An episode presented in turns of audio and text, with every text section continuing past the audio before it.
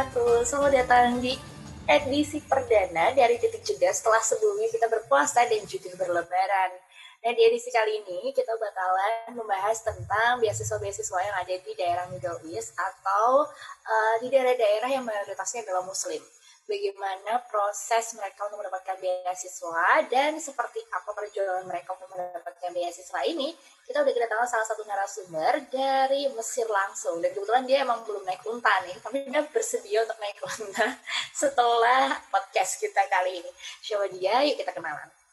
Dan perkenalkan nama aku Selsa Zahra Mujtahidah saat ini sedang menempuh jurusan Strata 1 di Universitas Al-Azhar Kairo Mesir jurusan Usuluddin, insya Allah akidah filsafat. E, berarti e, sekarang kan udah masuk ke semester genap ya. Sekarang udah di semester 4, Kak. Oke. Ambil sarjana pendidikan S1 di Mesir, begitu kan. Kalau boleh tahu, apa sih motivasi kamu ini melanjutkan kuliah S1 di luar negeri. Karena kalau di Indonesia, common banget lulusan SMA itu rata-rata lanjut di dalam negeri. Kalaupun misalnya kamu ada background agama, itu paling enggak, mostly mereka ini melanjutkan ke UIN gitu kan, atau ke Institut Islam Negeri yang lain, begitu. Apa sih motivasi kamu? Uh, benar banget sih. Uh, sebenarnya kalau aku sendiri ya, dari aku sendiri, dari awal bahkan aku memilih negara nggak Mesir itu antara Turki, Qatar, Tunisia, pokoknya negara-negara yang kayaknya nggak banyak orang Indonesia di sana gitu. Karena semakin banyak orang Indonesia itu berpengaruh banget sih ke gimana cara kita nanti berteman di sana gitu. Karena bisa jadi karena makin banyak orang Indonesia kita jadi nggak banyak muamalah gitu sama orang dari negara tersebut. Nah kemudian jadi aku pertama bahkan milih negara Turki dan juga Qatar.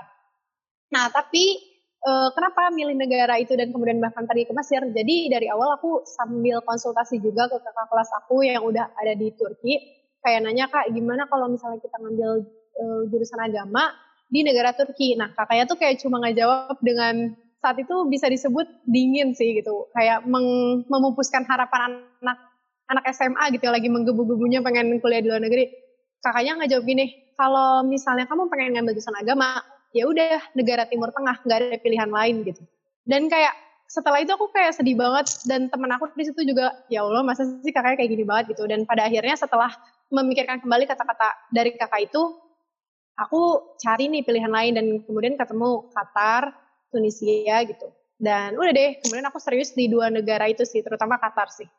Tapi kan akhir-akhirnya ujung-ujungnya ini ke Mesir kan? Ke iya. Mesir Sedangkan di antara Qatar sama Tunisia ini malah larinya ke Mesir gitu. Kenapa uh, pilihnya Mesir dan apa sih yang membedakan Mesir dari negara-negara lainnya akhirnya untuk pendidikan S1-nya gitu? Oke, okay. kalau kenapa akhirnya ke Mesir, sebenarnya itu kayak jalan Allah gitu sih ya kak, bisa disebut kayak sampai aku tuh bilang aku tuh nggak tertarik Mesir gitu. Orang pas dulu vibes vibesnya zamannya ayat-ayat cinta terus motivasi anak-anaknya ke Mesir tuh kenapa? Teman-teman aku aja bilang beberapa gitu ada karena aku nonton ayat-ayat cinta gitu. Aku tuh kayak nggak tertarik sama Mesir bahkan dari awal. Dan kenapa milih Qatar? Di, di Qatar sendiri karena Qatar tuh negara Islam yang maju.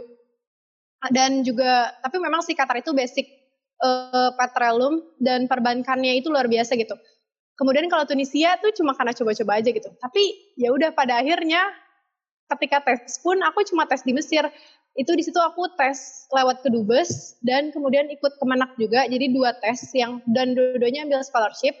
Kalau yang Qatar sendiri masih dalam tahap pencarian informasi dan itu kayak bener-bener gencar banget nyari. Tapi jujur susah banget karena nggak ada orang yang berangkat dari Indonesia ke Qatar bener-bener buat kuliah gitu. Biasanya tuh mereka kayak misalnya ada kakak kelas saya jadi imam dan kemudian dia ngambil kuliah atau ada juga dia orang tuanya emang di Qatar terus masuk ke Qatar gitu. Jadi kayak gak ada yang tahu dari mereka gimana cara ngisi uh, formulir ya karena itu emang ada beberapa pertanyaan yang impossible banget buat diisi sama orang biasa gitu kayak saya misalnya. Ya udah jadi dari situ begitu pun Tunisia. Tunisia udah saya cari-cari informasinya bahkan pas saya baca di situ ada informasi kayak gini. Tunisia itu cuma ngasih 7 eh, sampai 11 beasiswa gitu tiap tahunnya. Dan di tahun 2018 di tahun 2016 kalau nggak salah pemerintah Tunisia mulai menghentikan beasiswanya. Ya berarti nggak ada jalan dong buat saya ke Tunisia gitu. Padahal ya Allah ini udah pengen banget nih gitu. Dan ya udah akhirnya Mesir gitu. Akhirnya masuk ke Mesir. Ini ngomongin tentang beberapa negara di Timur Tengah. Iya bener gak sih? Kita di Timur Tengah kan ya? Oke, okay. beberapa negara di Timur Tengah, termasuk negara-negara Islam nih, biasanya uh, yang aku tahu itu di Madinah, itu tuh dia itu harus, kalau perempuan yang masih single, itu tuh nggak bisa kuliah di sana tanpa didampingi sama mahramnya gitu kan. Betul, nah, betul Gimana sama di Mesir? Setahu kan Mesir itu kan juga Islam ya, mayoritasnya Islam gitu. Nah, nah di sana itu juga bermasalah. Itu kan bukan bermasalah ya, mungkin lebih ke kayak uh, ada special uh, rules gitu nggak sih buat orang-orang yang emang mau kuliah di sana tapi posisinya itu belum menikah dan nggak ada hubungan keluarga sama siapa pun di sana gitu.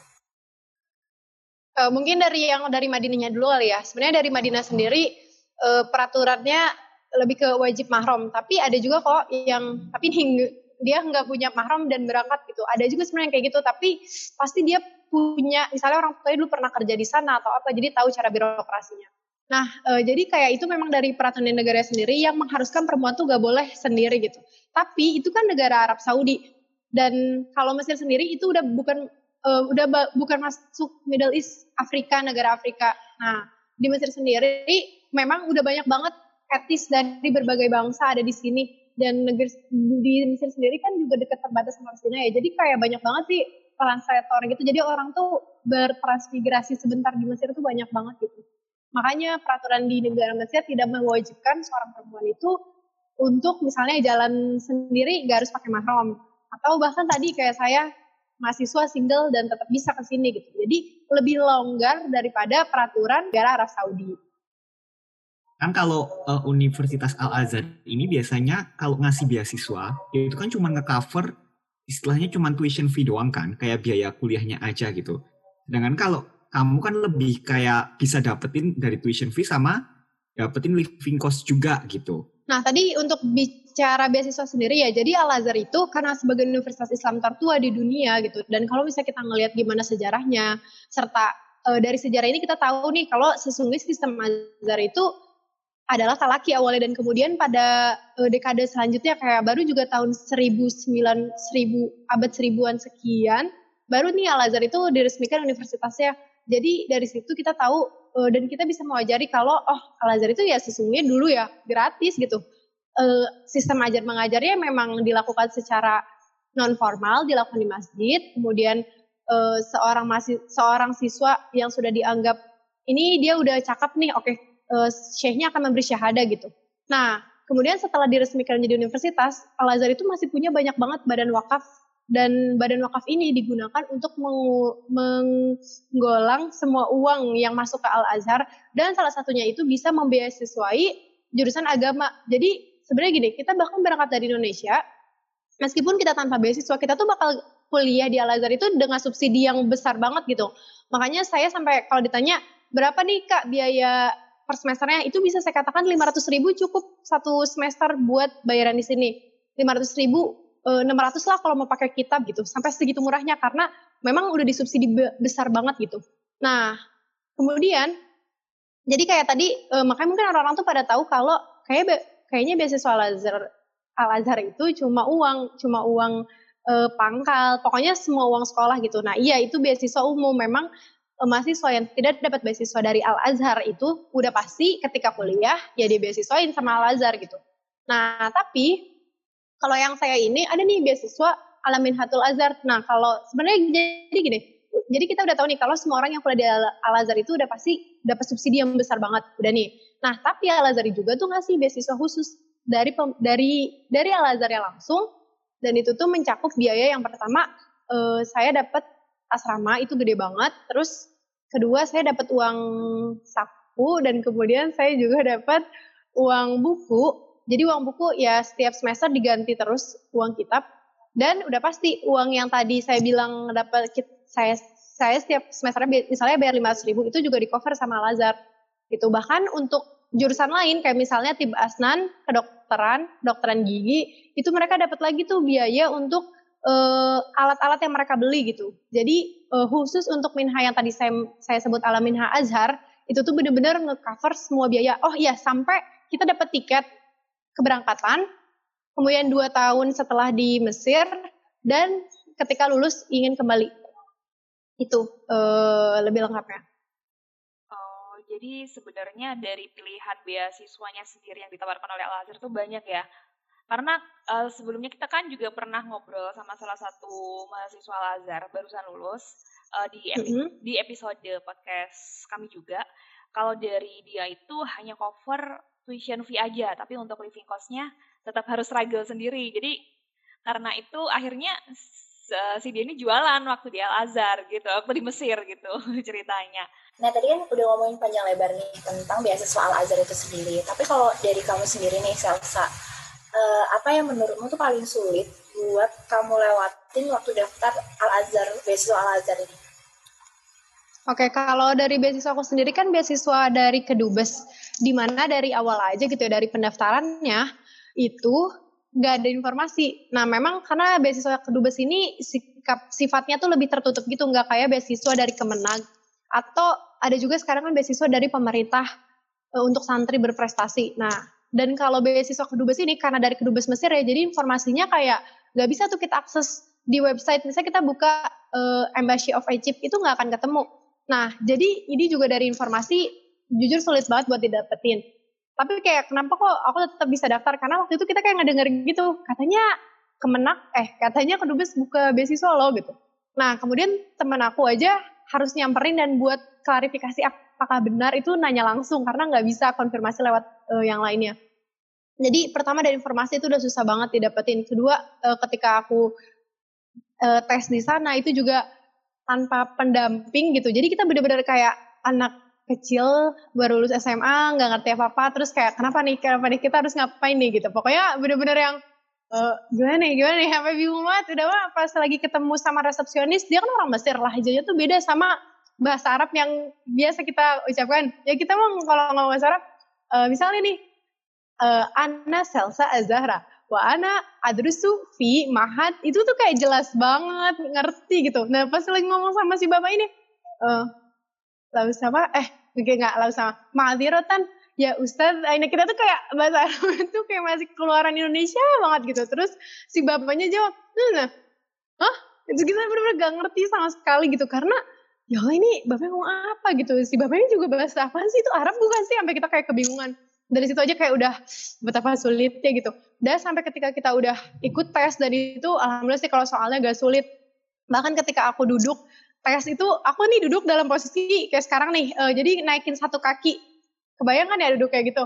Nah itu tuh syekhnya tuh ngeliat terus syekhnya nanya, kamu kenapa duduk kayak gitu gitu sampai kayak ditegur dan kayak marah gitu syekhnya terus aku kayak loh apa salahnya duduk kayak gitu gitu aku langsung nurunin asifnya gitu kayak maaf maafkan saya gitu udah gak tahu lagi harus ngomong apa gitu dan kemudian setelah itu bahkan ketika saya pengen, aku sendiri pengen tahu gimana nih udah keterima apa belum karena dari awal juga informasi buat dapetin aja susah gitu. Ini pengen tahu nih akhirnya aku email lagi nih uh, embassy-nya. Dijawab sama Miss Ria kalau nggak salah nama Missnya tuh. Pokoknya Missnya bilang berkas kamu keterima itu tuh setelah dua minggu. Oh enggak enggak enggak sebelumnya kayak enggak nih belum selesai belum keluar nama-nama orang yang udah daftar keterima atau belum belum ada kabar gitu. Oke aku nunggu lagi dua minggu selanjutnya dan tiba-tiba aja tuh dapat nomor salah satu salah satu ketua panitia gitu. Kemudian aku telepon langsung namanya Mr. Ahmed uh, kan dan ber, berbicara langsung sama beliau terus nanya kayak saya keterima nggak tapi itu pakai bahasa Inggris gitu dan itu uh, misternya kayak juga nggak terlalu fasih bahasa Inggris itu juga kayak ini misternya ngomong apa gitu kemudian misternya ngasih ke karya tadi itu misternya dan bilang iya kamu keterima nah dan di step ketika aku ngurus berkas itu juga susah banget karena di situ di antara syaratnya tuh satu uh, general check up yang dari seluruh badan, kedua menyertakan ijazah ijazah ber uh, cap kemenak. Sedangkan saat itu ijazah tuh belum turun, ijazah dari kemenak karena itu kayak baru banget UN. Akhirnya aku pakai ijazah asli dari pondok dan itu muter-muter kemenak dari jam 8 eh enggak enggak dari jam 11 sampai jam 4 sore gak dapet cap. Uh, itu benar-benar aku kayak coba itu akan hanya menangis gitu di kemenak situ. Dan kemudian ketika cap itu juga nggak dapetin general check up juga ditolak karena saat itu aku salah ngasih ya udah. Jadi kayak emang benar-benar struggle banget di pemberkasannya gitu. Karena pemberkasan itu susah banget sih kalau buat ke luar negeri itu tahap tersulit dan harus sabar banget gitu. Dan ya udah harus siap bolak-balik ke ke ke kedubes untuk ini bener nggak? Ini udah bener gak gitu. Dan kemudian dikasih waktu lagi ya udah sampai hari Senin ya kamu harus ngumpulin gitu. Bahkan aku bilang saya tuh, nah si missnya tuh kan bilangnya kamu keterima, tapi sebagai kursi cadangan karena kamu nomor 21, sedangkan yang keterima tuh 20 orang. Terus, ah ya Allah gitu ya, udah namanya juga usaha gitu ya, kita pergi aja dulu. Pas sudah saya datang, Miss general check up yang maksud tuh yang sebadan, iya. Ini itu kan ya mahal ya biayanya, saya juga belum belum tentu keterima. Terus kalau misalnya saya nggak keterima, saya udah ngasih general check up gimana gitu. Kata Miss ya nggak apa-apa, itu kita simpan. Ya buat apa gitu kan buat saya ini buat apa gitu. Terus kata misnya maaf Selsa ini udah jadi syarat. Kalau kamu mau berkas kamu di in, uh, di include bareng teman-teman kamu yang lain kali aja kamu jadi keterima gitu.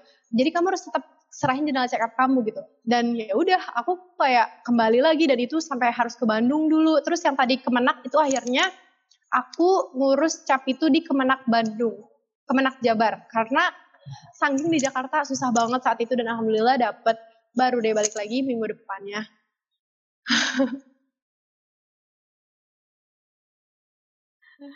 Panjang banget ya, uh, Salsa ceritanya ya. Kalau kalau bisa dibilang ini sebenarnya ada sedikit, uh, drama gitu ya. Iya benar benar benar, drama banget sih, Kak. Untuk Mesir sendiri kan tadi kamu su kamu juga sudah cerita kalau misalnya di sana emang basicnya bahasa Arab gitu kan. Berarti untuk para uh, mahasiswa yang emang ada keinginan buat kuliah di sana itu berarti mereka ini harus sudah benar-benar punya basic bahasa Arab yang bagus gitu ya boleh dibilang. Hmm, sebenarnya bahasa Arabnya tuh bukan bahasa Arab fusah tapi bahasa Arab amiyah kalau yang dipakai di kehidupan sehari-hari begitupun yang dijelaskan oleh para doktorah atau para dosen. Nah, baru buku yang kita pegang itu bahasa Arab Fusha. Jadi buat teman-teman, kalaupun misalnya belum terlalu jago bahasa Arab, itu nggak apa-apa sih. Yang penting mau terus belajar aja. Karena sebelum masuk ke kuliah pun, akan ada kelas bahasa selama satu tahun. Jadi itu kalau kita benar-benar usaha ya di situ itu bisa banget sih bikin kita eh, 40% lah meningkat gitu. Dan nanti dilatih lagi ketika kuliah. Jadi nggak harus sampai jago dan bisa banget gitu kak. Asal bisa dan mau buat terus belajar bahasa Arab itu bisa banget nanti terus dikembangin di kelas bahasa itu. Uh, berarti kan ada kelas preparationnya nggak sih kalau misalnya kita udah uh, kita mau mulai sekolah di sana atau langsung Betul. mulai aja gitu? Kalau kalau dulu semuanya itu pergi ke sini dan kita bakal sekolah di madrasah eh bentar aku lupa. Markas Lugo. Markas Lugo di deket kuliah sih. Deket kuliah Banin deket kuliah cowok. Nah kalau sekarang itu ada namanya pusiba. Jadi uh, ada jalur tesnya juga udah beda, tapi yang bisa dipastikan adalah semua yang mau pergi ke Mesir itu pasti melewati tahap istidat lugawi dulu atau persiapan bahasa gitu. Jadi pasti harus kak, harus.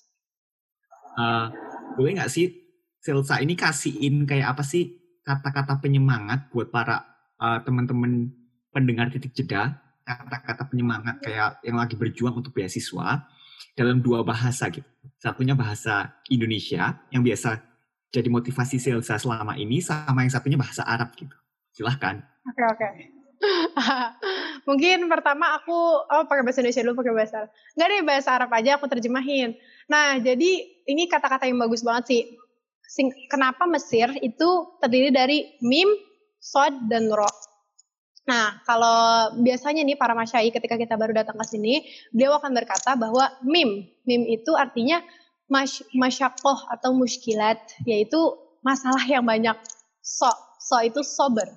Dan roh itu rohah. Jadi ketika nanti, menurut aku sih ini nggak berlaku di Mesir, tapi dalam hidup ya. Ketika dalam kita menghadapi hidup atau ketika kita uh, tumbuh dewasa, pasti kita tuh akan menghadapi banyak sekali mim, yaitu masyakoh hal-hal yang sulit, hal-hal yang bahkan selama ini nggak kita pikirkan gitu. Intinya sesuatu yang bahkan sulit banget. Nah, tapi kita harus menghadapinya dengan sod atau sober, kesabaran. Baru deh setelah itu kita akan bisa rohah beristirahat. Nah, tapi masalahnya di sober ini kita ya jilat full kayak selamanya kita harus sabar gitu hingga kemudian roha karena roha di sini yaitu istirahat itu bukan dimaksudkan di dunia tapi di akhirat nanti. Nah, atau kalau misalnya dalam Al-Qur'an dalam surat An-Nasr, fa inna ma'al usri inna ma'al usri. Kalimat al-usr atau kesulitan itu dengan lafaz ma'rifah dan yusra atau kebaikan dengan lafaz na tebal ah benar nakiro. Nah, Artinya adalah ketika kita tuh menghadapi sebuah kesulitan, kita itu akan mendapati banyak sekali kemudahan. Jadi buat teman-teman di mana pun yang misalnya lagi berjuang SNMPTN atau teman-teman yang lagi berjuang untuk berkuliah di Mesir atau di luar negeri lainnya, ketika menghadapi kesulitan tenang aja. Tinggal tengok lebih luas lagi kanan kiri kamu, kamu tuh sesungguhnya pasti Allah limpahkan kebaikan atau kemudahan di jalan yang lebih banyak gitu. Jadi satu itu tuh udah dijamin sama Allah dari satu kesulitan kamu itu akan mendapatkan banyak sekali yusro kemudahan gitu. Jadi tetap semangat dalam hidup karena dari satu buah kesulitan Allah tuh akan menggaransikan banyak sekali kebaikan yang akan e, mengelilingi kita. Nah itu tadi barusan beasiswa dari Mesir yang menceritakan tentang bagaimana proses dan struggle-nya dia buat mendapatkan beasiswa ini. Buat kamu yang ternyata emang berkeinginan untuk bergabung menjadi awardee yang mayoritasnya negaranya muslim, jangan lupa buat pantengin titik jeda karena selama beberapa minggu ke depan kita bakalan mempersiapkan dan hadir untuk menemani kamu. Stay tune terus di titik jeda. Bye!